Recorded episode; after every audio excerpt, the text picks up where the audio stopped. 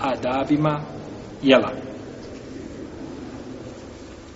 Pa ćemo ovdje spomenuti a, skupinu adaba koji se tiču jela, jer u njehovoj primjeni je oživljavanje sunneta poslanika sallallahu alaihi wa sallame i na ovaj način se šeitanu zatvaraju putevi i vrata, znači da priđe čovjeku a on je brižan da priđe čovjeku da učestvuje sa njim u jelu, u piću, čak i u odnosu sa ženom, pa treba znači poznavati ove stvari, jer kada čovjek šetan, kada šetan priđe čovjeku, onda lahko može čovjeka zavesti. To tako? Dok mu je prišao, može ga, no međutim, kada mu ne može prići, nema puta da mu se približi, onda, jeli, i njegovo djelovanje opada i njegove mogućnosti da zavede čovjeka su kud i kamo, kud i kamo manje. Prvo, etesmije to ta'am, da čovjek spomene Allahovo ime kada jede, da kaže bismillah, znači da spomene Allahovo ime kada se jede. Bilo imam tirmizi, imam Ahmed i Ebu Davud sa vjerodostojnim lance prostac od Ajše radi Allahu talanha da je poslanik sa osvrme rekao kada od vas neko jede i da ekele ahadukum fel jekul bismillah i da ekele ahadukum ta'amen fel jekul bismillah fe in nesije fel jekul bismillah fi evvalihi wa ahirih Kada neko od vas jede, neka kaže Bismillah. Ako zaboravi, neka kaže, jeli, Bismillah na početku i na kraju. Ne mislite se da kaže na početku i na kraju, neka kaže Bismillah, znači, kada je čovjek rekao, bilo da se radi jelo početku i na kraju. I bilježi ima muslim od Huzefa radijallahu ta'ala da je poslanik sallallahu alaihi wa sallam rekao šeitan može jestahilu ta'am može prići, postoji mogućnost znači da jede hranu a, pri kojoj nije spomenuto Allahovo ime. I zbog riječi poslanika s.a.v. Amru ibn Selemi kada mu je rekao ja gulam kul bismillah ja gulam bismillah o kul bijeminike o kul mimajanike. O dječače a, spomene Allahovo ime. Spomene Allahovo ime i jedi svojom desnom rukom ako zaboravi čovjek, jeli, da spomene Allahovo ime, kazat će Bismillahi fi awalihi wa ahirihi, kao što smo kazali. Drugo i treće, da jede da jede desnom, da jede desnom rukom i da ne jede ispred drugih. Znači jede desnom rukom i ne jede ispred drugih. Jer je poslanik Salosarme rekao, kako prenosi Ibn Omar, kada neko od vas ida ekel ahadukum fel jakul bi jeminihi kada od vas neko jede neka jede svojom desnom rukom o ida šeri bi ahadukum fel ješer bi jemini a kada pije neka pije svojom desnicom fe inne šeitane jakulu bi jemini bi šimalihi o ješrebu bi šimali šeitan znači on pije lijevom i jede lijevom pa je čovjek obavezno da čini četiri stvari desnom rukom. Ostalo ne mora. Da jede, da pije, da uzima i da daje. A, ove četiri stvari se čine desnom rukom. Ne uzimaš i ne daješ osim desnom rukom. Ostalo se može činiti lijevom, znači nije problematično. Nije problematično. I nema niko opravdanja da jede lijevom rukom da kaže ne mogu desnom.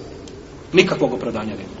Koliko je ljudi bilo, naučio se, znači, s početka kada je mora ovako zavrće, znači, jel tako, sa rukom, teško mu bilo, međutim, nakon toga, nakon vremena postaje normalno.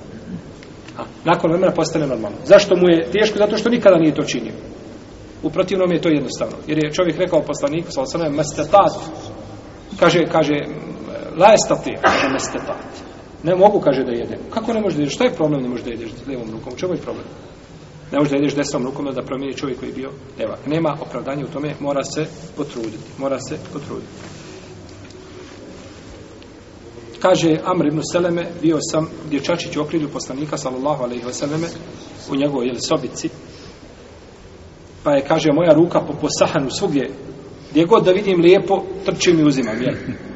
To se danas često dešava, ovaj, kako odrastima. Jede čovjek ono što je, ono što je ispred njega. To je ono što ti je uzvišen Allah odredio. Ako je nešto ljepše došlo ispred nekoga, to je odredba. Nemaš pravo, znači, ako je zajedničko jelo. Druga stvar, ako čovjek jede iz svoje posude, baš svoj sahan ispred sebe i jedeš ono što nije bitno. Dakle, da god uzmeš što je ispred tebe. Sve je to tvoje ispred tebe. No, međutim, kada se jede zajednički, tada čovjek nema pravo da ovaj da da jede ispred drugih. Pa mu je rekao poslanica, ali sam, ja gulam, sam je Allah.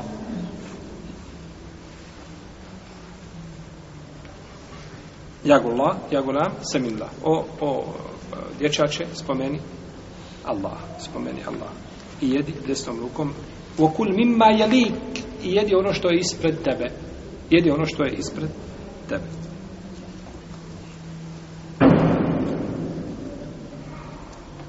Kaže, pa nakon toga sam tako postupao. Nakon toga sam tako. Pogledaj, ovaj dječak bio, dječačić. A? I jedan put mu rekao poslanik, sam šta kaže, nakon toga sam tako postupao.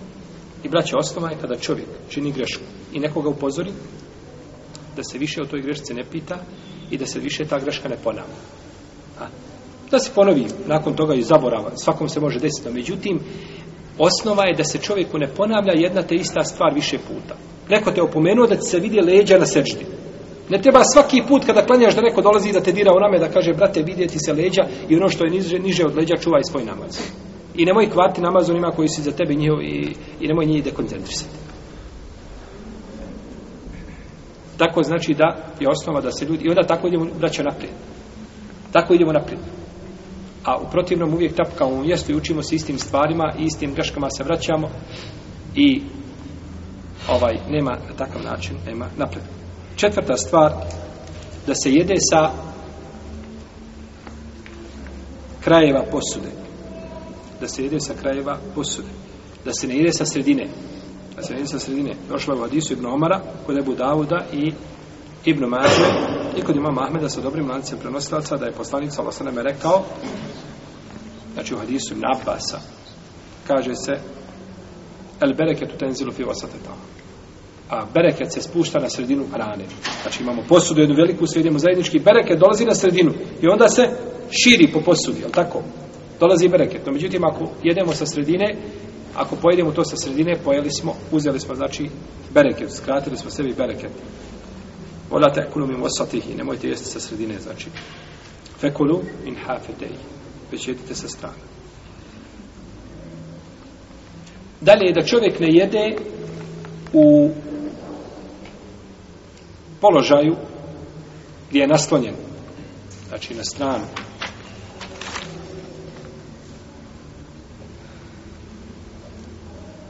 ne misli znači da na svojim leđima, nego da se znači na jednu stranu, kao na ruku da jednu drugu da se osloni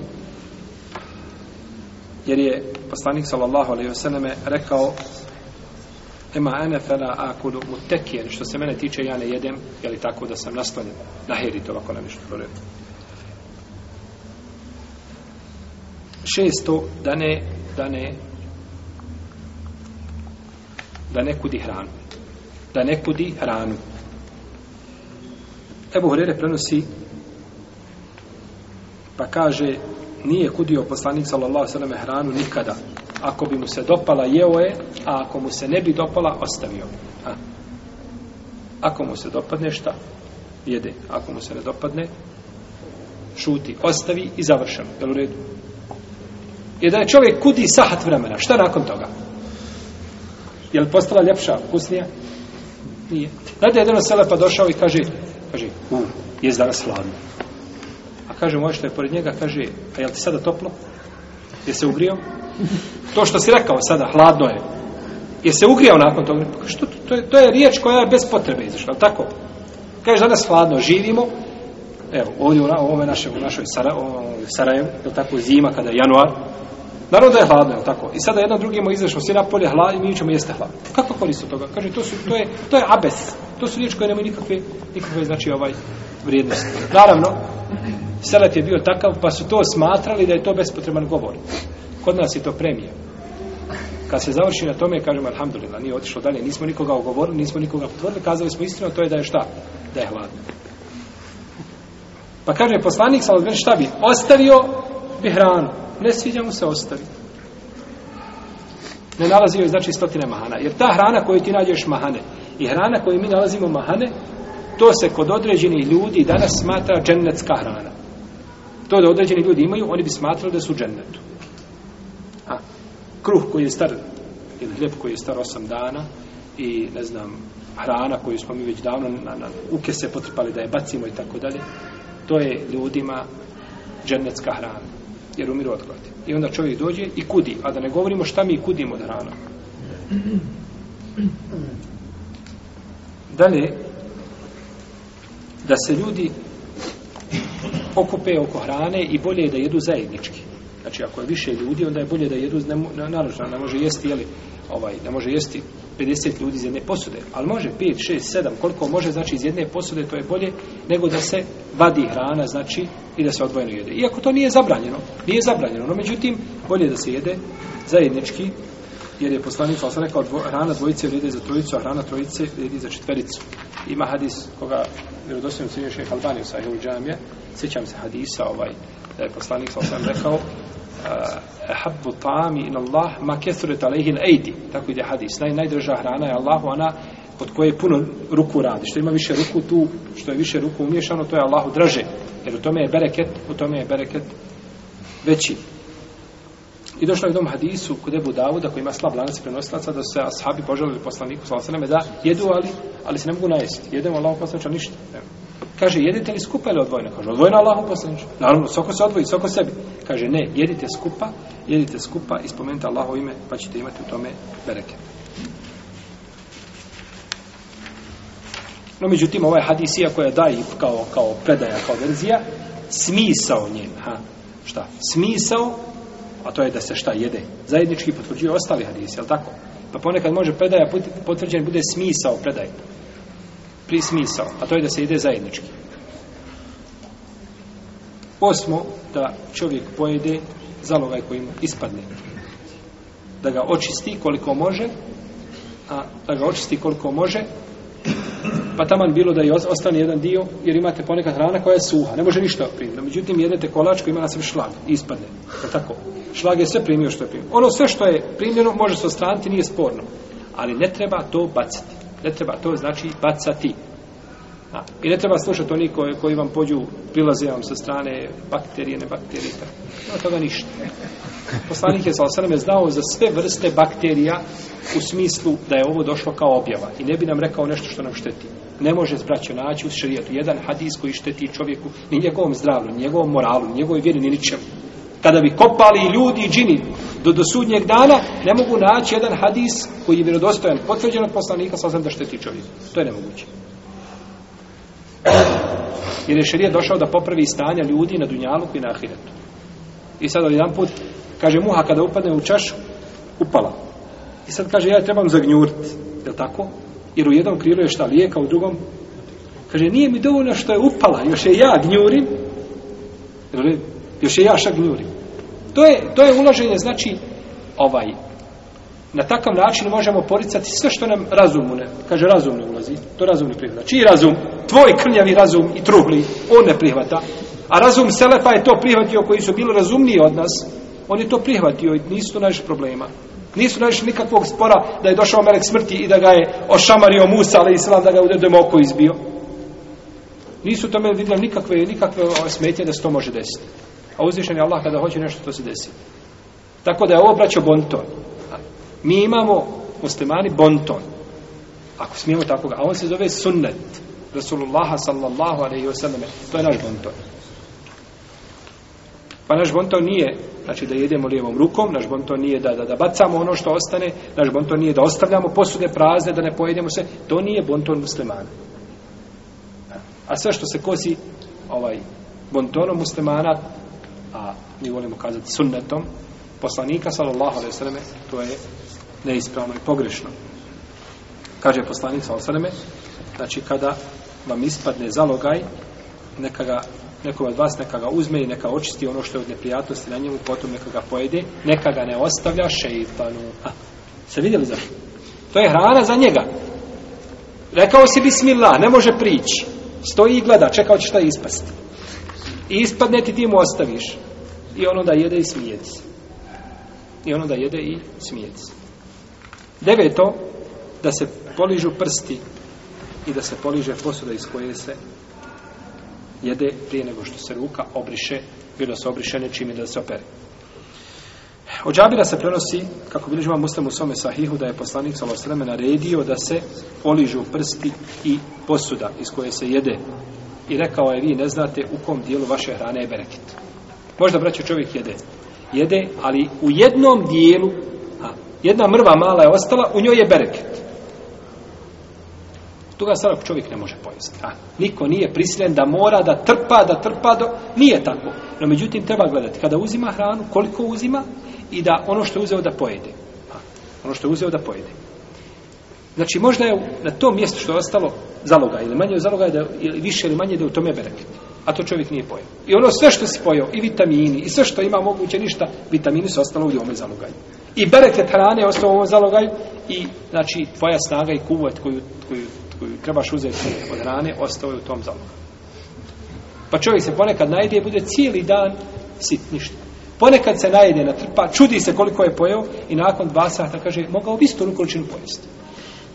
Zato što nema šta. Bereketa, braćo, nema bereketa. Razumijete? Šehol Islam Ibn Taymi je pisao za jedno večer što bi kopista morao sedam dana prepisivati. On sjedne i piše. Ne samo da piše, on razmišlja šta će šta pisati. Lako je prepisati, neko napisao i ti prepišeš, to je jednostavno. Ni za što odgovoran, ni samo da budu harp do harpa, da budu povezane rečenice onako kako je autor napisao. No međutim onaj ko piše mora šta razmišljati da to bude povezano, to bude jedna cjelina da ne dođe sa sa ne ne ne, ne nejasnim stvarima i tako dalje ili ili mutnim nekakvim rečenicama, izrazima koje će ljudi pogrešno shvatiti, al tako. Pa šejh on samim temije sjedi jedno veče razmišlja i piše i drugi kopisa dođe 7 dana slomi se da to prepiše. Zašto? Zato što jedan ima bereketa, a drugi ga nema. Da to je bereket, braćo. To mi je bereket. To mi je bereket. Pa da čovjek oliže prste. Ili da mu se oližu prsti. Ili da mu se šta? U pasivu. U pasivu. Šta znači da mu se oližu? Da pružiš prst ženi da ti oliže ruku, djete tu. Ili da ti oližeš ruku, djete od žene ili prst, od djete, prst od žene ili djeta ne smeta. Znači, bitno je da taj bereket koji je na prstu šta? Da se otkloni. Da se otkloni. Ovo je, braćo, ovo veže ljudska srca. Zašto se kaže čovjek koji uzme zalogaj i stavi ga u usta svoje žene. Ti može ženi doneti tortu veliku i baci joj, evo ti jedi. tako? Moraš uzeti kupiti ja timu, košulju malo i baciš mu je sad po metra. Evo ti, košulja nova bucije. Nije to to. Nego kaže, kada mu dođeš i pomiluješ ga po glavi, Svaka ova stvar, braćo, ima i danas oni dolaze i kaže koliko znači kada roditelj uzme dijete i kada ga pristoni na privijega na svoje grudi i kada... Sve mi to imamo, odavno, odavno. Sve je to došlo odavno, znači ti dodir i tako dalje, pop, dodir kada se rukuju dvojica muslimana, pa kada se uzmu za ruku, pa kada stisnu jedan drugom ruku, znači da, da, da padaju grijesi sa njih kao što pada suho lišće sa drveta, kako je došlo kod tabaranije u srednjem ođemu i tako dalje. Sve je to došlo u sunnetu poslanika, salavu srme. Možda ne na tako e, podrobno pojašen način, ali smisao svega toga je došao u sunnetu Rasulullah, Rasulullah, Aliju, Aliju, Srme. I na kraju hrane da zahvali Allahu Tebarake, Tebarake da zahvali, da prouči jednu od ova koje se navode, a brojne se od ove se povide u sunetu poslanika, sallallahu alaihi sallam. Alhamdulillah, ilazi kefana, u arvana, kajre, mekijin, vola, mekfuri. Jedna dova, recimo, koja se navodi kod Buhari u Sahihu, koja je glasla u prijevodu, hvala Allah koji nas je nahranio, napojio, neposljednji put i ne bez zahvale njemu, te barek. I druge dove koje se navode, jel, koje su došle nakon, koja god dova da se prouči, ne smeta ako neko zna više dova da ih mijenja i to je hajr i ber. Da se isto tako učini dova onome koje je donio hranu, koje je donio hranu, mislimo čija je hrana, vlasnik, znači hrane, koji je pozvao ljude na obrok. Kao što je došlo u pogledu postača, aftara indekom, aftara indekom esaimu, wa akele ta'amekumul ebrar, wa sallete alaikumul melaike a, kod vas su postači iftarili, jeli su vašu hranu odabrani i na vas, vas blagosiljaju meleci. Allahume barik lehum fima razaktahum, vodfir lehum, varhamhum, gospodaru naš, daj im bereket u ome čime si obskribio a, e, i oprosti im i smilujem se. Znači, da se dova učini čovjeku koji ti je, koji te znači počastio hranu. I nakon toga da čovjek očisti da opere svoje ruke. Da opere svoje ruke znači da ako je li već je u rukama i ovaj ako ima potrebe je li da ponekad jede čovjek hranu koja je suha i tako dalje, nema potrebe da pere ruke, je li jede sendvič ponekad ništa, znači ostane ruke ostane suhe kakve jesu. Došao je kod Ebu Davuda i kod imama Tirmizije i kod Ibnu Manađa da je da je poslanik sallallahu alaihi sallam rekao ko od vas zaspe kod vas zaspe, a na njegovim rukama nešto od mast koja ostane, znači ono što ostane na hrani, pa ga pogodi nešto, a neka ne krivi osim samog sebe. Neka ne krivi osim samog sebe. Znači kada čovjek jede nešto, pa mu ostanu ruke, jeo si nešto, znači jeo si hranu, krompir, ne znam, meso i tako dalje, pa ostane na rukama nešto masno. Znači treba to čovjek da ukloni, znači da oliži i nakon toga da to obriše ili još bolje znači da to opere. Može, još bolje da to znači opere, da to ukloni. To bi neki edebi koji se tiču znači hrane ovaj.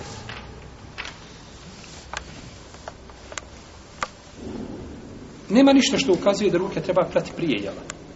Znači u sunetu se mora i nužan ruke prati prije jela. Ako su ruke prljave, ako ima potreba da ih čovjek opere, ne smeta. Ne smeta. No, međutim, čovjek se abdestio, obavio namaz i sjeo, prošlo par minuta, nakon toga treba da jede, žena postavila hranu.